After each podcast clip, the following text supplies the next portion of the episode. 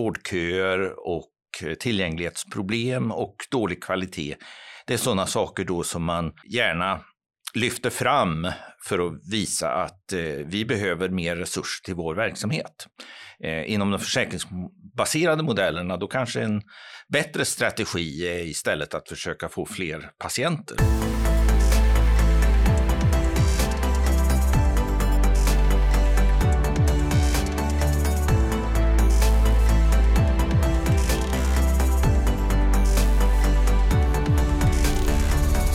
Mattias Lundbäck är forskare vid Ratio, hälsoekonom och doktor i nationalekonomi. I forskningsprojektet Framtidens vård och omsorg har han tillsammans med Nils Karlsson, som även han är forskare vid Ratio, jämfört vård och omsorgssystem i Sverige, Nederländerna, Australien och Schweiz med hjälp av internationella index och fallstudier. Arbetet har resulterat i boken Rätt att välja som nu finns ute. Varmt välkommen till Skattebetalarnas podcast. Uppskattat Mattias. Tack så mycket. Vad trevligt att ha dig här. Eh, Sverige har länge haft problem inom vården med tillgänglighet och väntetider, eh, servicenivå och vårdkedjor. Hur har den här eh, problematiken sett ut över tid för Sverige och andra länder i den här studien? Ja, eh, Sverige är ju ett, ett land som har haft eh, problem med vårdköer åtminstone eh, sedan 70-talet. Eh, före 70-talet så finns nog inte så mycket statistik, Nej. men eh,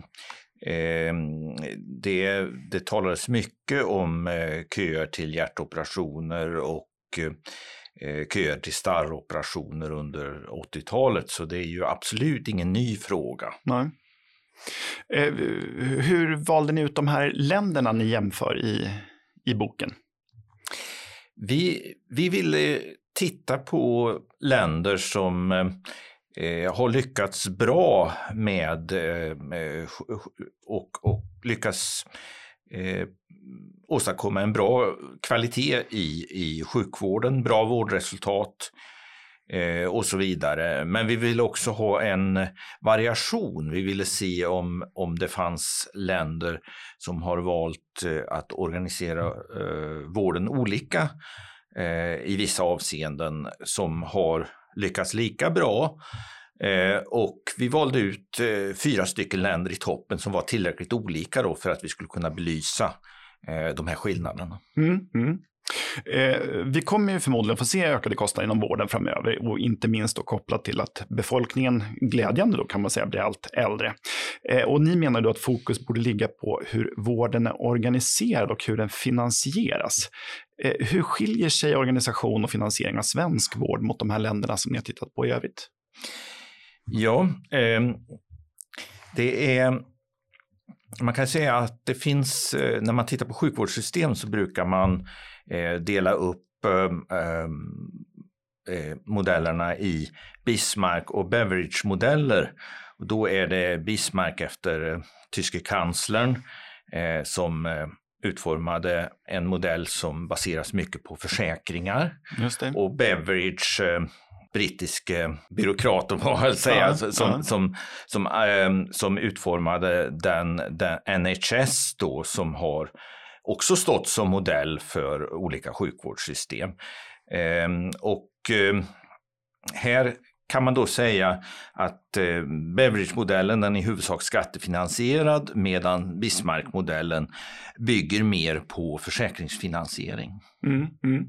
Ja, just det. Och NHS är ju en ständigt återkommande fråga i brittisk politik, för det är väl vansinnigt dyrt och eh, de dras väl med en hel del problem inom NHS. Va?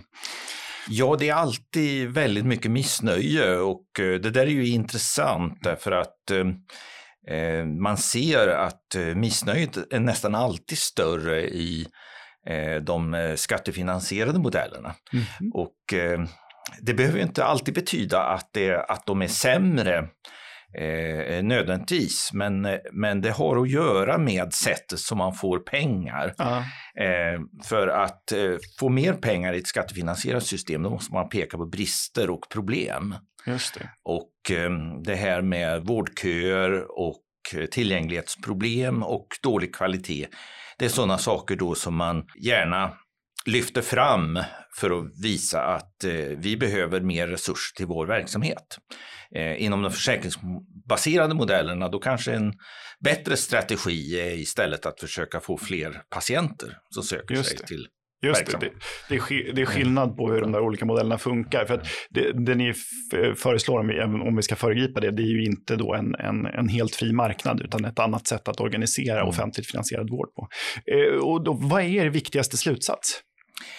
Eh, vi har flera slutsatser som vi, som vi eh, sammanfattar eh, i, i boken. och eh, vi ville väl eh, titta på, vi vill inte utvärdera modellerna som sådana, utan vi vill väl mycket också se eh, vad Sverige kan lära av eh, de andra modellerna. Så finns det svagheter i den svenska modellen där man skulle kunna ta intryck och lära sig av eh, de andra eh, modellerna, till exempel Nederländerna, Australien och, och, och eh, Schweiz. Och vi hittade väl en del eh, sådana områden. Och då handlade det väl framför allt eh, om eh, primärvården, kontinuiteten och helhetsansvaret. Att det finns någon aktör som eh, håller i eh, vårdprocessen. Mm. Det är väldigt viktigt eh, eh att, eh, för patienten att man har någon att luta sig mot i, i, i sjukvården. Och det, där har de skattefinansierade systemen ofta problem. Eh, och ehm, de som är mer baserade på husläkarsystem eh, och som har försäkringsinslag, eh, de brukar oftast kunna hantera de här frågorna eh, Eh, bättre. Mm. Ja, för det har man ju hört rapporteras om till exempel när ansvaret är svårt att fördela mellan till exempel kommun och region. Att man skickar vissa patienter fram och tillbaka för att ingen vill ta kostnaden. Eh, och då skulle man kanske i ett försäkrings, eh, mer försäkringsbaserat system ha, ha patienten snarare i fokus då, antar jag. Eh, I vårddebatten pratas det ofta om jämlik vård. Hur jämlika är vården i Sverige i förhållande till andra länder? Eh, och är det så att mer privat vård skapar större ojämlikhet? Ja, intressant nog så eh, när man har eh, mätt eh, tillgången till vård i olika länder och så, då har man inte hittat de här eh, skillnaderna som man då egentligen borde förvänta sig mellan till exempel Schweiz då som har ett eh, ganska höga egenavgifter eh, där man betalar en hel del Eh, kontant och man har försäkringspremier som varierar ganska mycket över, över landet. Men man hittar inte ändå inte de här ehm, eh, skillnaderna i, i vårdtillgänglighet för låginkomsttagare till exempel och höginkomsttagare. Och eh, det där är ju intressant så, så, och, och lite av en eh, paradox. Eh, för man brukar ofta hänvisa till den amerikanska sjukvården i USA och, och att, att, att man som låginkomsttagare har svårt att få, eh, få vård. Men eh, i de här systemen eh, så verkar det ju som att eh, kontinuiteten också har betydelse för att personer som har kanske inte har goda kontakter, kanske inte har läkare i bekantskapskretsen eller vet hur man ska bära sig åt för att komma fram i, i, i sjukvården, att de får, en, får ett stöd. Och det får de nu då kanske till exempel av, av husläkaren. Och sen kan man också nämna att eh, avgifterna, eh, försäkringspremierna och så, de är oftast eh, differentierade. Eh, till exempel i Schweiz så har man ju då lägre försäkringspremie för låginkomsttagare och eh, högre då för eh, eh, man har rabatter då för personer som har, har låga inkomster och det gör väl också då att, att Eh, tillgängligheten inte påverkas så mycket. Ja, och så det är inte så att folk faller ur för att man betalar en del av vården själv? Nej, nej. Eh, Schweiz eh, eh, inför, var, var, ett av de sista länderna som införde ett eh, obligatoriskt eh, försäkringssystem, då ska kanske nämnas, 1996. Mm. Och redan då var, var eh, var uppemot 98 procent av befolkningen eh, tillhörde en försäkring. Mm. Så, att, så att det här handlar om obligatoriska system, det är inte, det är inte frivilliga försäkringar. Eh, har de, är det flera olika försäkringsgivare som finns i de här obligatoriska systemen eller är det en och samma? det är i regel Eh, olika eh, försäkringsgivare. I eh, Nederländerna har man ett ganska litet antal försäkringsbolag. Sist jag tittade så hade man fyra stycken stora försäkringsbolag och ett antal mindre som då ansvarar för att finansiera vården. I Schweiz har man betydligt fler. Men man har också eh, försäkringar, man, man har ett kantonbaserat system så att eh, försäkringen då omfattar, konkurrensen omfattar befolkningen då som i i en viss kanton. Alltså deras motsvarighet till regioner kan man säga? Ja, ja det kan man säga. Så, mm. så att och eh, där eh, kan det ju vara att samma aktör är aktiv i flera olika kantoner. Men eh, reglerna, intressant nog, de, de eh, gäller kantonvis. Så att eh, ehm, försäkringspremien sätts eh, lika hög men den kan variera kraftigt mellan olika kantoner. Mm, mm. Just det, en form av institutionell konkurrens då kan man säga. Ja. Eh, för ni skriver då att skattebaserade system eh, som det svenska är produktionsbaserat medan försäkringsbaserade problem är mer individ och patientorienterade. Så att, kan du förklara skillnaden däremellan?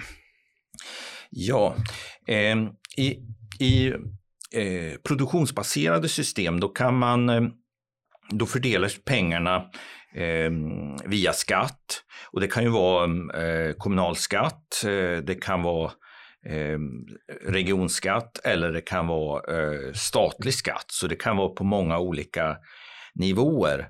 Men det viktiga är att eh, pengarna fördelas för att täcka kostnaderna för en viss verksamhet. Pengarna går inte via patienterna till sjukvården. Det är inte eh, det är inte patienterna som efterfrågar vård från någon aktör. Och eh, det innebär att drivkrafterna för eh, aktörerna i de skattefinansierade systemen, de är lite annorlunda än drivkrafterna i eh, de försäkringsbaserade systemen. I, I de försäkringsbaserade systemen, då har man lite mer intresse av att locka till sig patienter och Eh, Eh, och man har intressant nog också eh, ofta en eh, större kontinuitet i relationen mellan, mellan läkare och patient. Det är ett ganska stort missnöje med, med primärvården i de skattefinansierade systemen.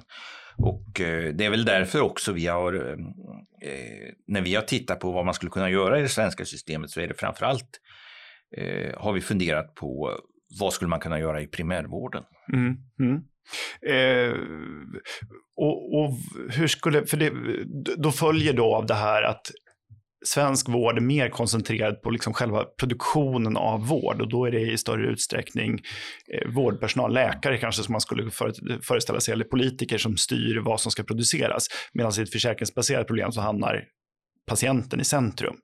Eh, och det låter ju på många sätt mycket, mycket rimligare. Finns det en risk att, eh, för någon måste ju tjäna pengar på det här, finns det en risk att, att, man, eh, att man försöker utnyttja det här systemet om, om det då finns pengar att tjäna på patienterna? Ehm, ja, det finns alltid eh, risk för problem eh, med eh, snedvridande incitament om man inte utformar systemen på ett bra sätt. Mm. Ehm, och i det kan till exempel handla om att man får överproduktion eller att man gör fel saker. Och det är just därför som vi betonar eh, det här med att det är viktigt att någon har helhetsansvaret för patienten. För om någon eh, har ansvar för primärvård, någon annan har ansvar för eh, specialistvård och någon tredje har ansvar för sjukhusvården, då finns en risk att man försöker skjuta över ansvaret för patienten på någon annan. Just därför är det viktigt att någon sitter med helhetsansvaret för patienten.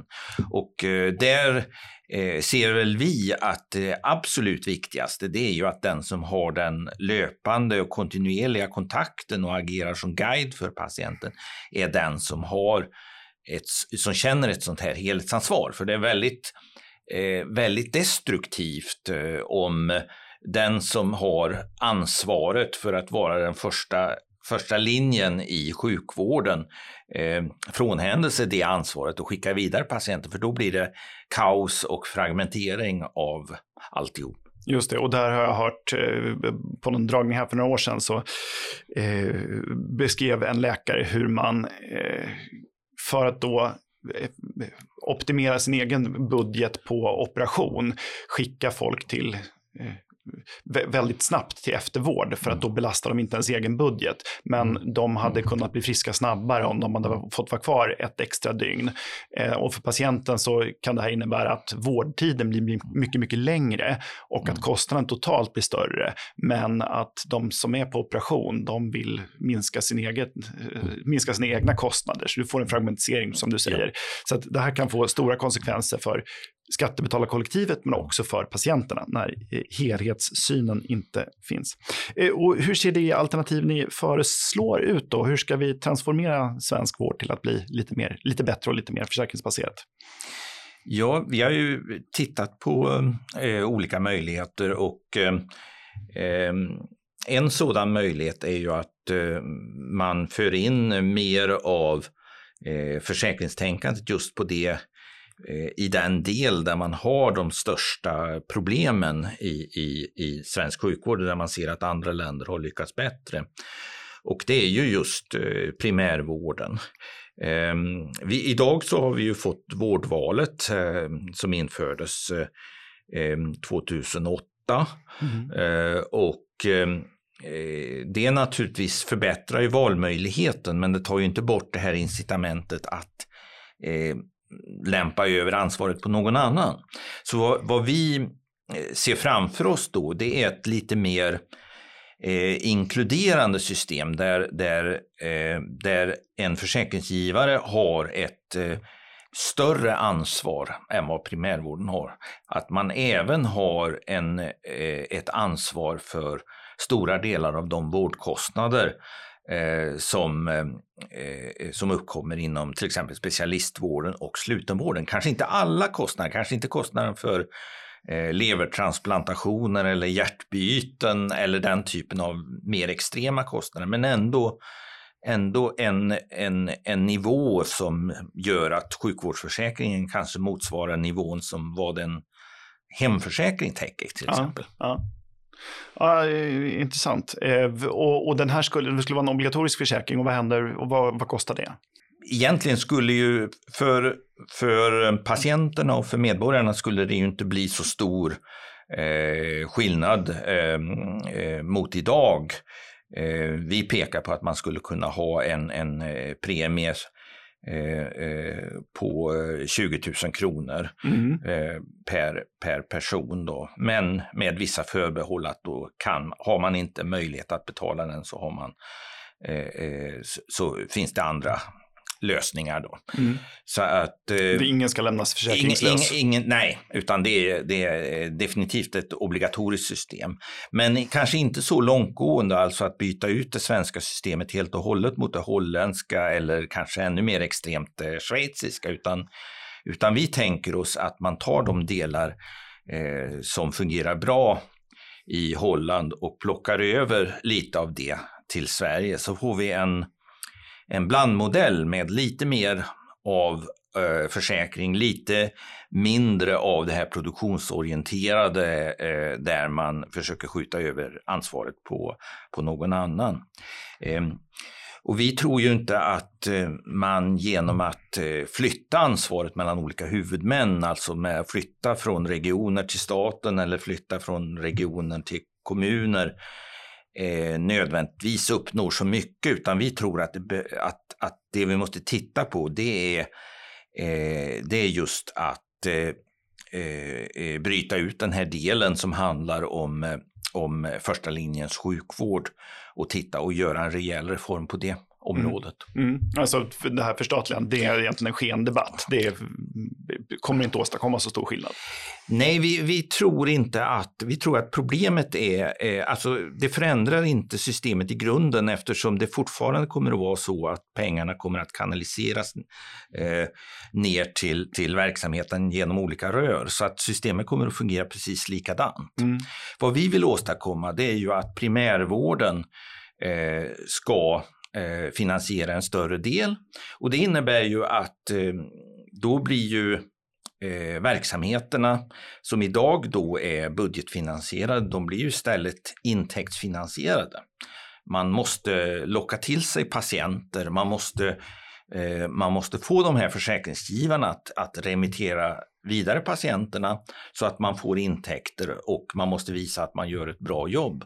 Och då förändrar man incitamenten. Ja.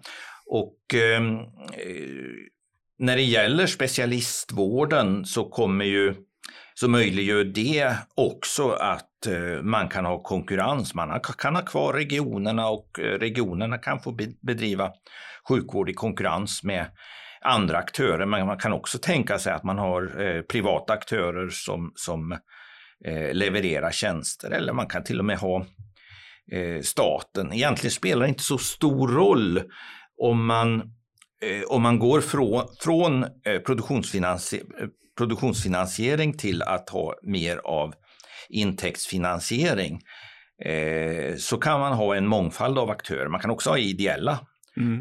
utförare. och, så att jag tror att man har i den svenska sjukvårdsdebatten har man fokuserat alldeles för mycket på på vem som ska göra saker och ting och då, då är man liksom kvar i det gamla systemet att, att det är fortfarande ett produktionsorienterat system. Precis, jag brukar ta exemplet att det här är som vi diskuterar, vem, på vilket sätt man ska styra Trabantfabriken. Mm. Inte hur vi i själva verket kunde mm. få BMW, Mercedes, Audi istället. Eh, för det, det, det, är inte så intressant. Men, och då hamnar ju, för det är det som jag tycker är elegant med lösning, patienten hamnar ju i centrum och då är det viktigt att få patienten eh, så frisk som möjligt så, så fort som möjligt istället för att så fort som möjligt erbjuda en operation eh, som inte nödvändigtvis kommer att ha rätt effekt om inte eftervården till exempel funkar. Eh, och det är bara då man sätter patienten snarare än produktionen i centrum som det kan hända. Eh, vad leder det här till då? Vad blir slut, slutdestinationen? Vilka är fördelarna? Patienten mår bättre eh, vad, vad, och, och blir friskare fortare får vi anta. Vad händer i övrigt? Ja, jag tror man kan få en eh, eh, snabbare eh, teknikutveckling.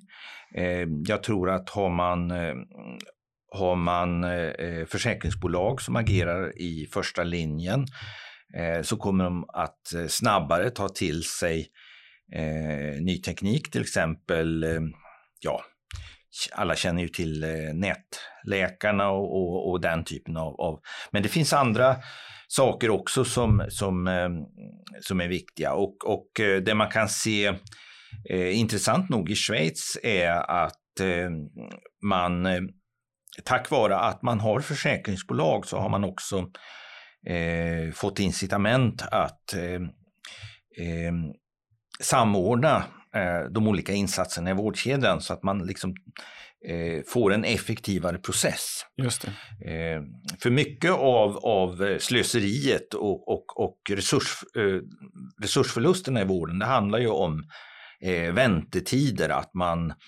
Eh, eh, och väntetider är ju inte effektivt. Eh, för ofta när man, eh, när man får vänta så behöver man ta om prover, man behöver göra om undersökningar. Saker och ting kan ha förändrats. Det är mycket, det är mycket effektivare att eh, göra saker på ett planerat sätt och hålla ihop processen. Och det är ju, det är ju så att eh, om man tar ett företag som Scania till exempel, de skulle inte få för sig att bygga ett chassi och sen låta det ligga i två månader och sen eh, återuppta Nej. processen. Utan eh, eh, så att, så att det finns en hel del förbättringar att göra i sjukvårdssystemet. Men, men det är inte så enkelt som att eh, man bara eh, kan eh, eh, liksom förändra mentaliteten, utan man måste också ha det institutionella stödet, alltså drivkrafterna måste finnas där, konkurrensen måste finnas där. eh, för att det ska bli framsteg. För det är ju, det ytterst så är det ju konkurrensen som driver fram produktivitetsförbättringar inom eh, industrin och inom servicesektorn och så vidare. Och eh, eh, det är ju där man måste börja arbeta och se till att eh, eh, man kan pröva olika lösningar men också att det finns drivkrafter att eh, sprida det som fungerar bra. Om jag eh, bedriver sjukvård eh, och ser att jag kan tjäna på att kopiera det någon annan gör eh, så kommer jag att göra det om jag, om, om, om jag har det fulla kostnadsansvaret för, för min, min, min patientgrupp. Men i det stora problemet med dagens sjukvård är ju att även om någon hittar på en bra lösning, vi kan ta till exempel eh, i Norrtälje så har man eh, skapat ett kommunalt bolag där man har samordnat då, kommunal verksamhet och regional verksamhet. Eh, 10 och 100 het, eh, heter det. Mm. Och, eh, men trots att eh, man kan visa att ja, i vissa avseenden så fungerar det här bra så, så är det ingen som kopierar det. Därför att det är för jobbigt ja. att ställa om organisationen.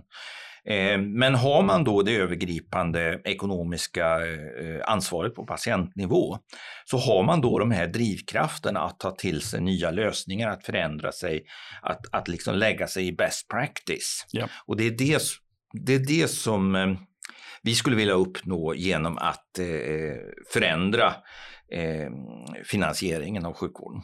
För det här är intressant. Vi tittar ofta på inte minst kommunala och regionala jämförelser och där lär man sig i alldeles för liten utsträckning av best practice därför att man har andra incitament som styr.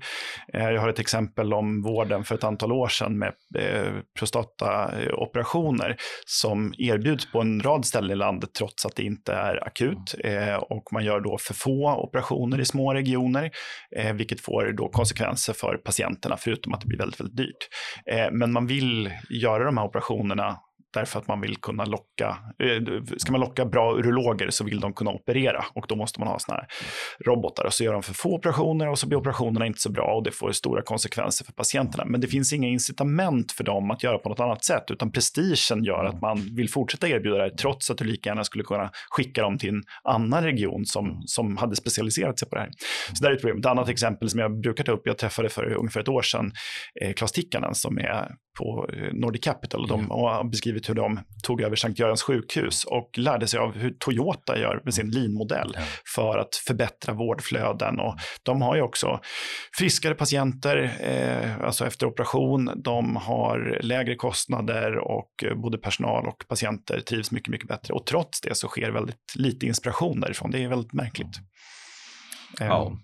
Nej, det, det är ju eh, det, det, krävs ju någon form um, av förändring av, av uh, de ekonomiska flödena i systemet för att man ska skapa de här incitamenten. Det är klart att man inte skulle arbeta som du beskriver med, med de här prostatarobotarna mm. eh, på ett in, i en ineffektiv skala. Man skulle inte liksom ha tusen stycken enheter om det var så att det var primärvården som finansierade det här. För de eh, skulle naturligtvis bara gå till den eh, som, gör, eh, som gör operationen bäst ja. och till lägst kostnad. Ja. Eh, eftersom det är de som betalar eh, eh, för, för att operationen ska utföras. Så där får man ju en automatisk anpassning av skala och kvalitet. Ja som man inte då får i, i, eh, med nödvändighet i ett skattefinansierat system. För där krävs det ju då politiska beslut om var, hur saker ska göras, var de ska göras och så. Och det är inte alltid säkert att de här besluten, som dessutom ofta är decentraliserade, eh, på en aggregerad nivå då leder till att man gör eh, att man bedriver sjukvården på det mest effektivaste och sättet. Precis, och det här är ju då någonting som inte bara sparar pengar utan det sparar också lidande. Vi kommer att få patienter som blir friskare och friskare fortare. Så det är en eh, win överallt. Men det kommer att vara lite bökigt att ställa om då för de som, som, som jobbar i vården. Men det, det, det kan nog gå ganska fort. Eh, jag tycker att det, det, här det är ett jätteintressant ämne och jag är mycket tacksam för att ni lyfter det här. Det är en otroligt viktig fråga och jag tycker inte sällan att den här diskussionen precis som ganska många andra skattefinansierade ämnen så handlar det nästan alltid om att bara tillföra mer pengar eller göra någon annan typ av eh, översiktlig organisationsförändring som faktiskt inte kommer att leda någonstans. Här har vi ju eh, svart på vitt saker som faktiskt funkar i andra länder. Eh, så det här borde, borde vi lära oss av. Vad, vad borde regeringen göra istället för att eh, utreda ett förstatligande? Då? Man borde ta er bok och tillsätta en utredning om hur vi kan öka försäkringsinslagen i systemet istället.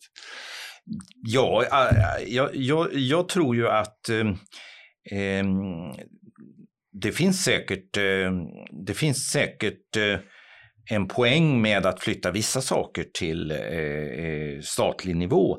Och jag tror ju att ehm, en primärvårdsförsäkring, ja den skulle ju med nödvändighet vara statligt finansierad.